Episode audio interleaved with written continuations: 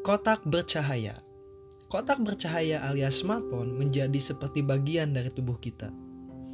Selalu kita bawa. Kita cek notifikasi agar tidak tertinggal informasi. Kita seakan telah terikat dengan lempengan komponen teknologi itu. Menyedihkan. Kita seolah diperbudak oleh kotak itu. Membuat kita kecanduan. Pagi, siang, malam.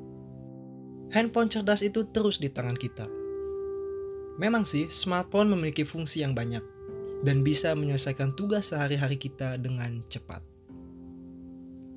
Nggak salah juga kita menggunakan smartphone. Namun poin penting di sini adalah cobalah untuk kita kembali ke fitrah sebagai manusia. Kembali offline. Nikmati dunia dengan natural.